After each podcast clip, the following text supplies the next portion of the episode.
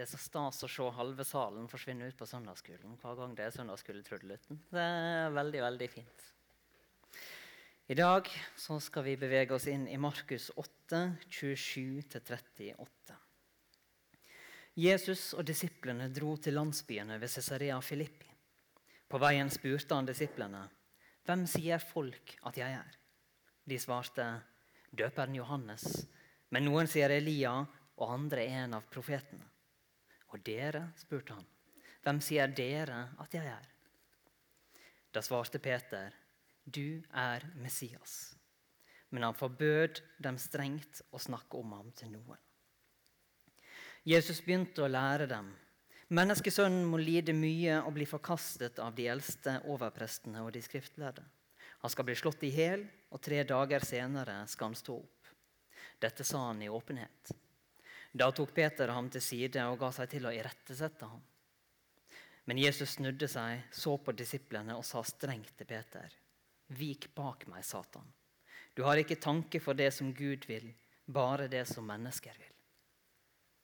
Så kalte han til seg både folket og disiplene sine og sa til dem.: Om noen vil følge etter meg, må han fornekte seg selv og ta sitt kors opp og følge meg. For den som vil berge sitt liv, skal miste det. Men den som mister sitt liv for min skyld og for evangeliets skyld, skal berge det. Hva gagner det et menneske om det vinner hele verden, men taper sin sjel? Og hva kan et menneske gi som vederlag for sin sjel? For den som skammer seg over meg og mine ord i denne utro og syndige slekt, skal menneskesønnen skamme seg over når han kommer i sin fars herlighet sammen med de hellige engler. Takk for ditt ord i dag, gode Gud. Jeg ber om at du skal åpenbare deg for oss i dag. At vi skal få et nytt glimt av deg. Rør ved oss og rør ved våre hjerter. Amen. Teksten som den observante lytter kanskje oppdager at ikke er dagens evangelietekst, men dagens eh, fortellingstekst, den står i en serie tekster i Markus, der Jesus gradvis viser disiplene mer av hvem han er, og gradvis får de til å skjønne litt mer av hvem han er. Ikke så veldig mange vers tidligere, og da sannsynligvis ikke altfor masse tidligere i tid heller, så har Jesus nesten litt oppgitt, virker det ut som, utbrutt at Ser dere ennå ingenting? Skjønner ikke dere? Har dere så harde hjerter? Dere har øyne, ser ikke dere? Dere har ører, hører ikke dere? Og Imellom den passasjen og dagens passasje så har Markus veldig passende satt inn et under som forteller litt om utviklinga til disiplene. For Jesus møter den blinde mannen i Betzaida. Og Så spytter han på øynene hans, legger hendene på dem, og så spør han den blinde eh, Nå må jeg finne akkurat hva han sa, sånn at jeg ikke lyver til dere. Ser du noe? Og mannen han ser opp og sier, 'Jeg ser mennesket.' For jeg skimta noe som ligner tre som går omkring. Og Jesus han legger hendene på øynene hans en gang til, og så ser han helt klart. Og etter dette her så er det vi kommer til dagens tekst. Og Vi er i nærheten av Cesarea Filippi, som er helt nordøst i Israel helt oppe på Golanhøydene, der som Israel, Jordan, Syria og Libanon møtes. Her hadde den yngste sønnen til Herodes, Philip, laga seg et bitte lite kongerike som han hadde oppkalt etter seg sjøl og den romerske keiseren, sånn i all ydmykhet. Og det starta ganske enkelt, fordi at disiplene får et veldig enkelt spørsmål fra Jesus først. For Jesus han spør hvem sier folk at jeg er? Det kunne de svare på. Det visste de. For De sier akkurat det som folk sa. at Noen sier døperen Johannes, noen sier Elia, og noen sier en av profetene. Og Det var helt rett svar. For Det kan se ut som dette var den vanlige oppfatninga blant folk når vi leser i Markus 6, 14-16. Kong Herodes fikk høre om Jesus, for navnet hans var nå blitt kjent. Noen sa døperen Johannes er blitt reist opp fra de døde. Derfor virker slike krefter i ham. Andre sa han er Elia. Og noen sa han er en profet, som en av de gamle profetene. Men da Herodes hørte det, sa han det er Johannes som jeg lot halshugge. Han er blitt vekket opp igjen. Lett. Disiplene svarte rett. Nå må Jesus være bitte litt imponert med dem. vel. Og Sånn er det kanskje litt med oss også av og til. At det er lett å svare på hvem folk sier at Jesus er. Noen sier han er frelseren. Andre sier han er herre. Noen sier han er Guds sønn. Noen sier han er en bra mann som levde for lenge siden. Noen sier han var en tulling, og noen sier at han var eventyr. Og Noen av oss er kanskje mer tilbøyelige til å si sånne ting som at Andreas Bakke han sier, eller Martin Luther han mente, eller kanskje paven, eller biskopen, eller Bo Gjerts, eller Rosenius, eller Tim Keller, eller sett inn hvem du pleier å sitere når du skal svare hvem Jesus, hvem folk mener at Jesus er. Det er så lett å svare på hvem folk mener Jesus er. Men Jesus han lar ikke disiplene slippe unna med det enkle spørsmålet. Det var ikke nok å svare på det upersonlige spørsmålet hvem sier folk at jeg er. De er knappast svart før det litt vanskeligere og mer personlige spørsmålet følger i vers 29a. Og dere, spurte han, hvem sier dere at jeg er? Og Jeg skulle ønske jeg hadde vært flue på veggen der når dette spørsmålet kommer. For jeg syns at teksten er så kortfatta i sin gjengivelse. For det neste som står i vår tekst, det er at Peter sier, 'Du er Messias'. Men kom denne bekjennelsen umiddelbart? Eller sto disiplene og kikka litt på hverandre først og lurte litt på hva skal vi svare? Kom den med overbevisning, eller kom den litt nølende? Det veit ikke jeg. Men nå har disiplene nådd det samme stadiet som den blinde mannen da han trodde han så mennesker, for han så skikkelser som ligna tre som vandra rundt. Noe hadde disiplene oppfatta, og noe hadde de sett. Men skjønte de hvem Jesus egentlig er? Og hvordan er det med deg? Hvis du skal svare for deg sjøl i stillhet i noen sekunder nå. Hvem sier du at Jesus er?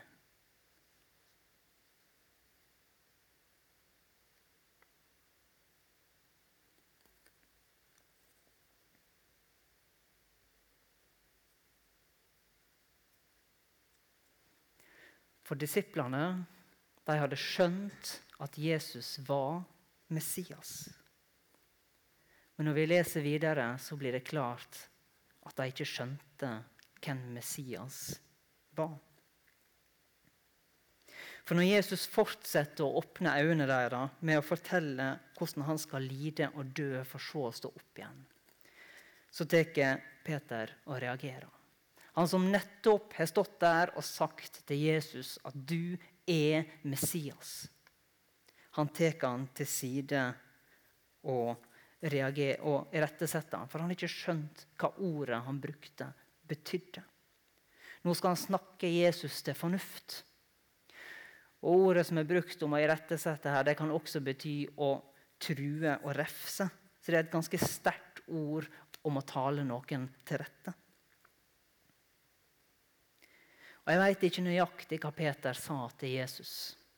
Så det som kommer her, det er litt spekulasjon, men det er basert på hvordan jødene på den tida tenkte om Messias. Kanskje siterte Peter den jødiske muntlige tradisjonen som vi i dag har nedskrevet i Talmud, og prøvde å forklare Jesus at han som Messias han skulle innlede den messianske tidsalder. Han skulle få både politisk og militær makt, men akkurat når det gjaldt disse overnaturlige evnene som Messias også skulle ha, der kunne Jesus slappe litt mer av, for det hadde han god kontroll på. Kanskje siterte Peter Jesaja 11, der det snakka om at eh, lammet skal beite sammen med ulven. Kanskje siterte han den biten med at skal, landet skal være så fullt av kjennskap til Herren som vannet dekker havbunnen. At han skal kjøpe fri de av folket som fortsatt er i fangenskap i Assur, Egypt og Passord osv. Passord, ja. Patros. Eh, yrkesskade. Eh, og samle de fordrevne av Israel.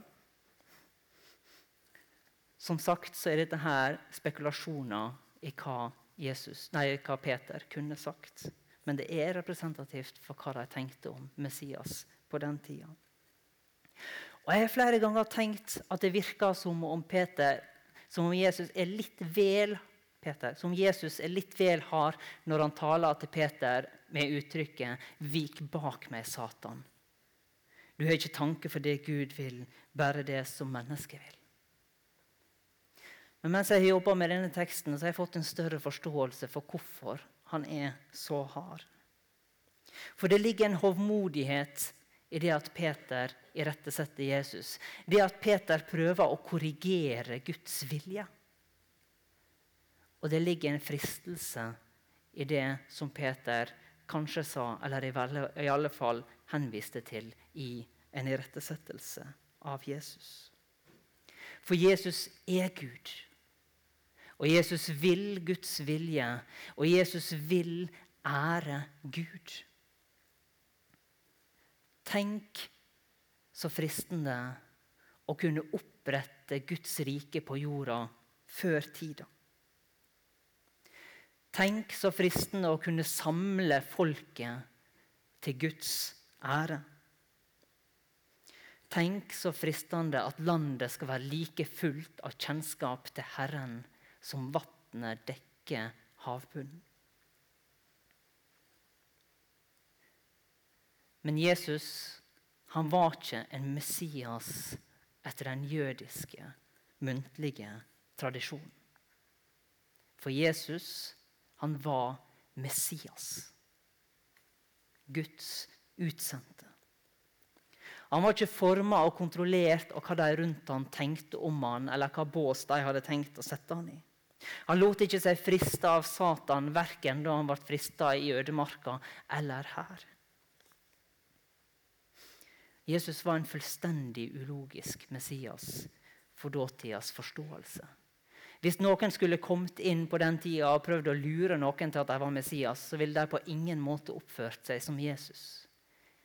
Jesus var en så ulogisk Messias at en dag i dag så går jødene og venter på det de tror er den virkelige Messias.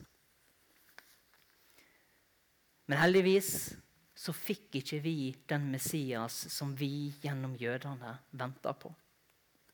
Men vi fikk den Messias som Gud hadde planlagt og sendte til vår redning.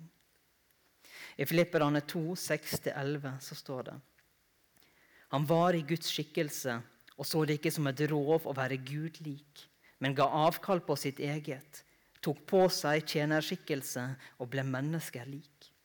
Da han sto fram som menneske, fornedret han seg selv og ble lydig til døden, ja, døden på korset. Derfor har også Gud opphøyet ham til det høyeste og gitt ham navnet over alle navn.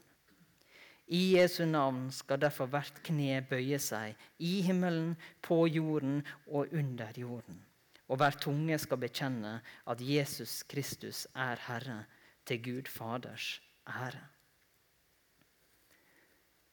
Heller enn å opphøye seg sjøl og framskynde, eller å prøve å framskynde Guds plan, så valgte Jesus å stå trufast og lydig i Guds plan helt til døden. Derfor har Gud opphøya han over alle andre navn. Er det aller høgste. Og i hans navn så skal alle kne i himmelen, på jorda og under jorda bøyes. Da skal landet virkelig være fullt av kjennskap til Herren, sånn som vannet dekker havbunnen. Og Ved sin død så kjøpte Jesus virkelig fri alle som var igjen i fremmed land, inkludert deg og meg. Vi som var underlagt syndas lov og i utlendighet fra Guds rike. Vi var kjøpt fri ved Jesu lydighet og offer. Jesus falt ikke for fristelsen til det gode liv her på jorda.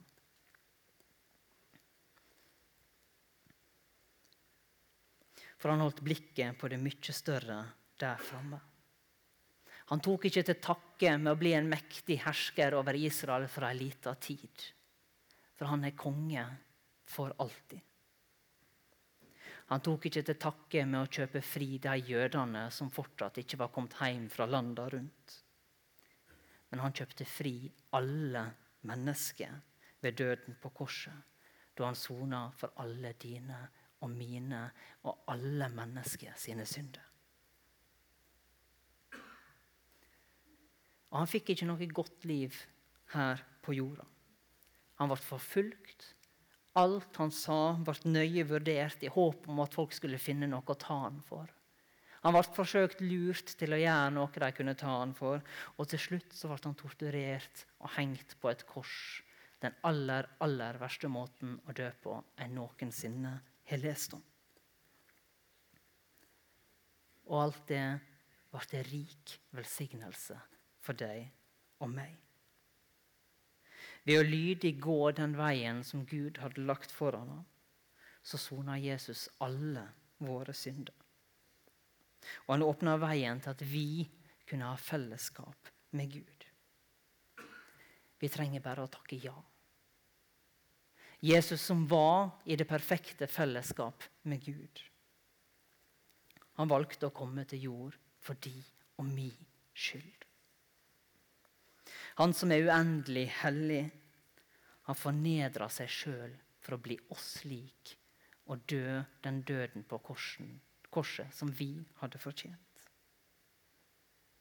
Han gjorde det for deg, og han gjorde det for meg. Alt er fullført. Alt er gjort. Jesus som gav avkall på herligheten for at vi skulle ta del i herligheten sammen med oss. Han har fullført alt.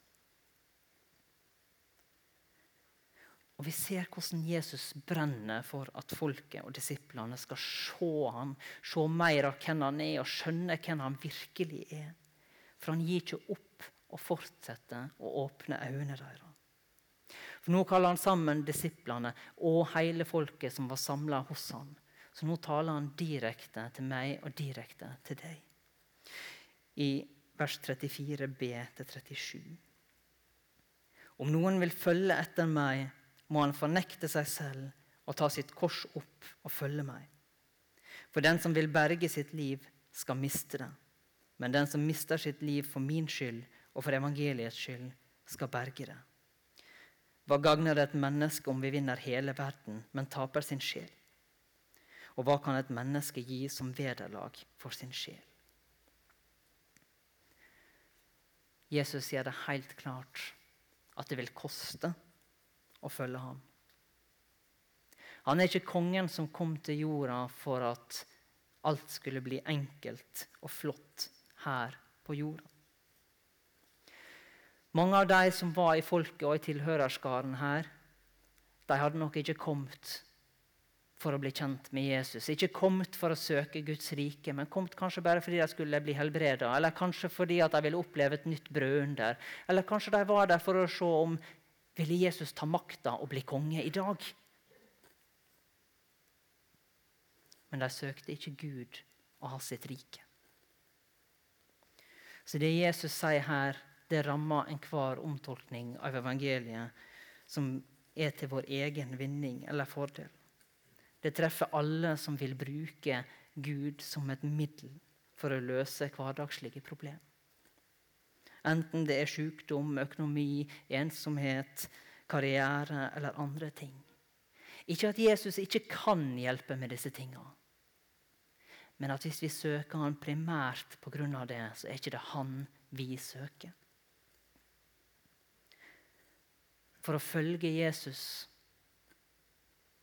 det betyr å fornekte seg sjøl og avstå fra å vinne livet. Det betyr at vi avstår fra å leve sånn som verden rundt oss regner det som helt logisk at vi skal leve. At vi gir fra oss retten til å kreve det gode liv. Og karre til oss så mye mulig for å få mest mulig ut av livet her på jorda. For hvis vi ikke for alvor regner med Gud i våre liv, så blir livet her og nå det som vi omgir oss med, det som betyr alt for oss. Det blir det aller viktigste og kanskje det eneste vi bryr oss om. Vi setter det over alt annet. Men å følge Jesus, det betyr å ta imot livet som ei gave. Og som ei oppgave som vi ikke sjøl helt og fullt bestemmer over. Og for den gamle egoisten i oss så føles dette her som å plukke opp korset vårt og bære det til rette stedet der vi skal korsfestes. For den gamle egoisten i oss så betyr det dødsdom å følge Jesus. For når Jesus snakker om å redde sitt liv, så sikter han til livet vårt i denne verden. Det vi opplever som å tenke på som vårt eget liv. Hvis vi setter alt inn på å vinne det og få mest mulig ut av livet her på jorda, så kommer vi til å miste det. Hvis vi ikke er villige til å ta noen risiko eller oppleve noe ubehag for Jesus, så mister vi det virkelige livet, det vi er skapt til å leve. Men hvis vi løfter blikket holder øynene festa på det egentlige livet og det fellesskapet som vi skal få ha der framme en dag. Og det livet vi er gitt i gave ved Jesu død. Og la det prege hvordan vi lever livet vårt her på jorda. Da skal vi vinne livet. Sjøl om det kan føre til at det oppleves mindre komfortabelt her, og kanskje i ytterste konsekvens leder til martyrdøden. For hva betyr det om jeg har den fineste bilen eller det største huset, eller er anerkjent som den aller beste på mitt fagfelt, eller er kjempegod på å lage kreative matpakker, eller er den best trente i nabolaget, hvis dette er ting som kommer i veien for min, mitt forhold til Jesus? Da ender vi som Demas, som Paulus snakker om i 2. Timotius 4, 10a. For Demas forlot meg fordi han fikk den nåværende verden kjær. Og For meg er dette her utrolig vanskelig og utrolig viktig å holde i hodet samtidig. Vi har fått frelsen gratis. Det er fullbrakt. Jesus har gjort alt. Det er ingenting, absolutt ingenting jeg kan gjøre for å forbedre eller legge til noe på min frelse.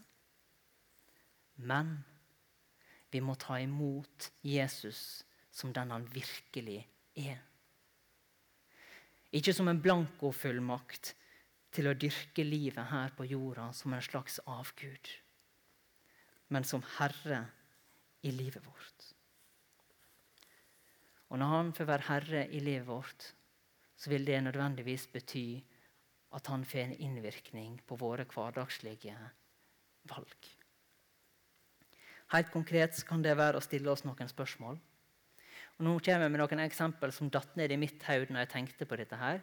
Jeg sier ikke at jeg har et rett eller galt svar på disse spørsmålene. Jeg sier heller ikke at eh, de er synd, men dette var de spørsmålene som datt ned i mitt hode. Kanskje trenger ikke vi den største, nyeste og fineste bilen. For kanskje kan Gud bruke de midlene på en annen måte et annet sted. Kanskje er ikke det sånn at vi må ha det største og fineste huset. Kanskje kan Gud bruke de midlene en annen plass, eller vi kan være mindre bundet til banken, så vi har råd til å ta en dårligere betalt jobb. Eller kanskje skal man kjøpe et kjempefint hus midt i et uh, nabolag for å kunne være en misjonsstasjon akkurat der. Kanskje skal han gi avkall på det å skulle være best på sitt fagfelt for å ha mer tid til å delta i kristent arbeid. Det er ikke noe rett eller galt svar på disse spørsmåla, men at vi skal bringe dem inn for Jesus i bønn og ta hensyn til hva som er hans vilje, også i det som føles som ikke-åndelige valg i livet. I Lukas 12, 16-21 så forteller Jesus denne lignelsen. Det var en rik mann som hadde fått god avling av jorden. Og han tenkte med seg selv, hva skal jeg gjøre? Jeg har ikke plass til avlingen min. Jo, dette vil jeg gjøre. Jeg river ned låvene og bygger dem større. Og der samler jeg kornet og alt jeg ellers eier. Så skal jeg si til meg selv, nå har du mye godt liggende nok for mange år.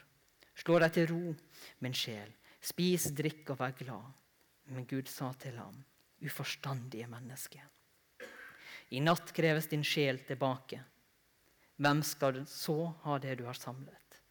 Slik går det med den som samler skatter til seg selv og ikke er rik i Gud. Slik går det med den som samler skatter til seg selv og ikke er rik i Gud den kjenner jeg treffer meg ubehagelig godt. For jeg er prega av kulturen jeg lever i. Og jeg kjenner at jeg stadig har behov for å komme tilbake til Jesus og ta et oppgjør med og vende fra mitt, min lyst og mitt hig etter det gode liv, etter å ha et behagelig liv. Mitt ønske om å ha det godt og komfortabelt Min trang etter å være i fronten av mitt fagfelt, kanskje ubevisst på bekostning av andre ting. Og at det av og til er så lett å nedprioritere kvalitetstid med Jesus. Hos deg er det kanskje andre ting som haler og drar. Men nå som vi går inn i fasten, så har jeg lyst til å oppfordre deg til å bruke litt tid i Bibelen. Gjerne hver dag. Trenger ikke å lese så mange vers. Men når du har lest noen vers, så prøv å stille deg sjøl to enkle spørsmål. Hvem sier teksten at Jesus er, og hvordan passer det inn med hvordan du sier at Jesus er? Og det andre er hvis du vil ha herre, Jesus som herre i livet ditt, hvordan sier teksten at du skal følge ham? Jesus spurte disiplene hvem sier dere at jeg er? Hvem sier du at Jesus er?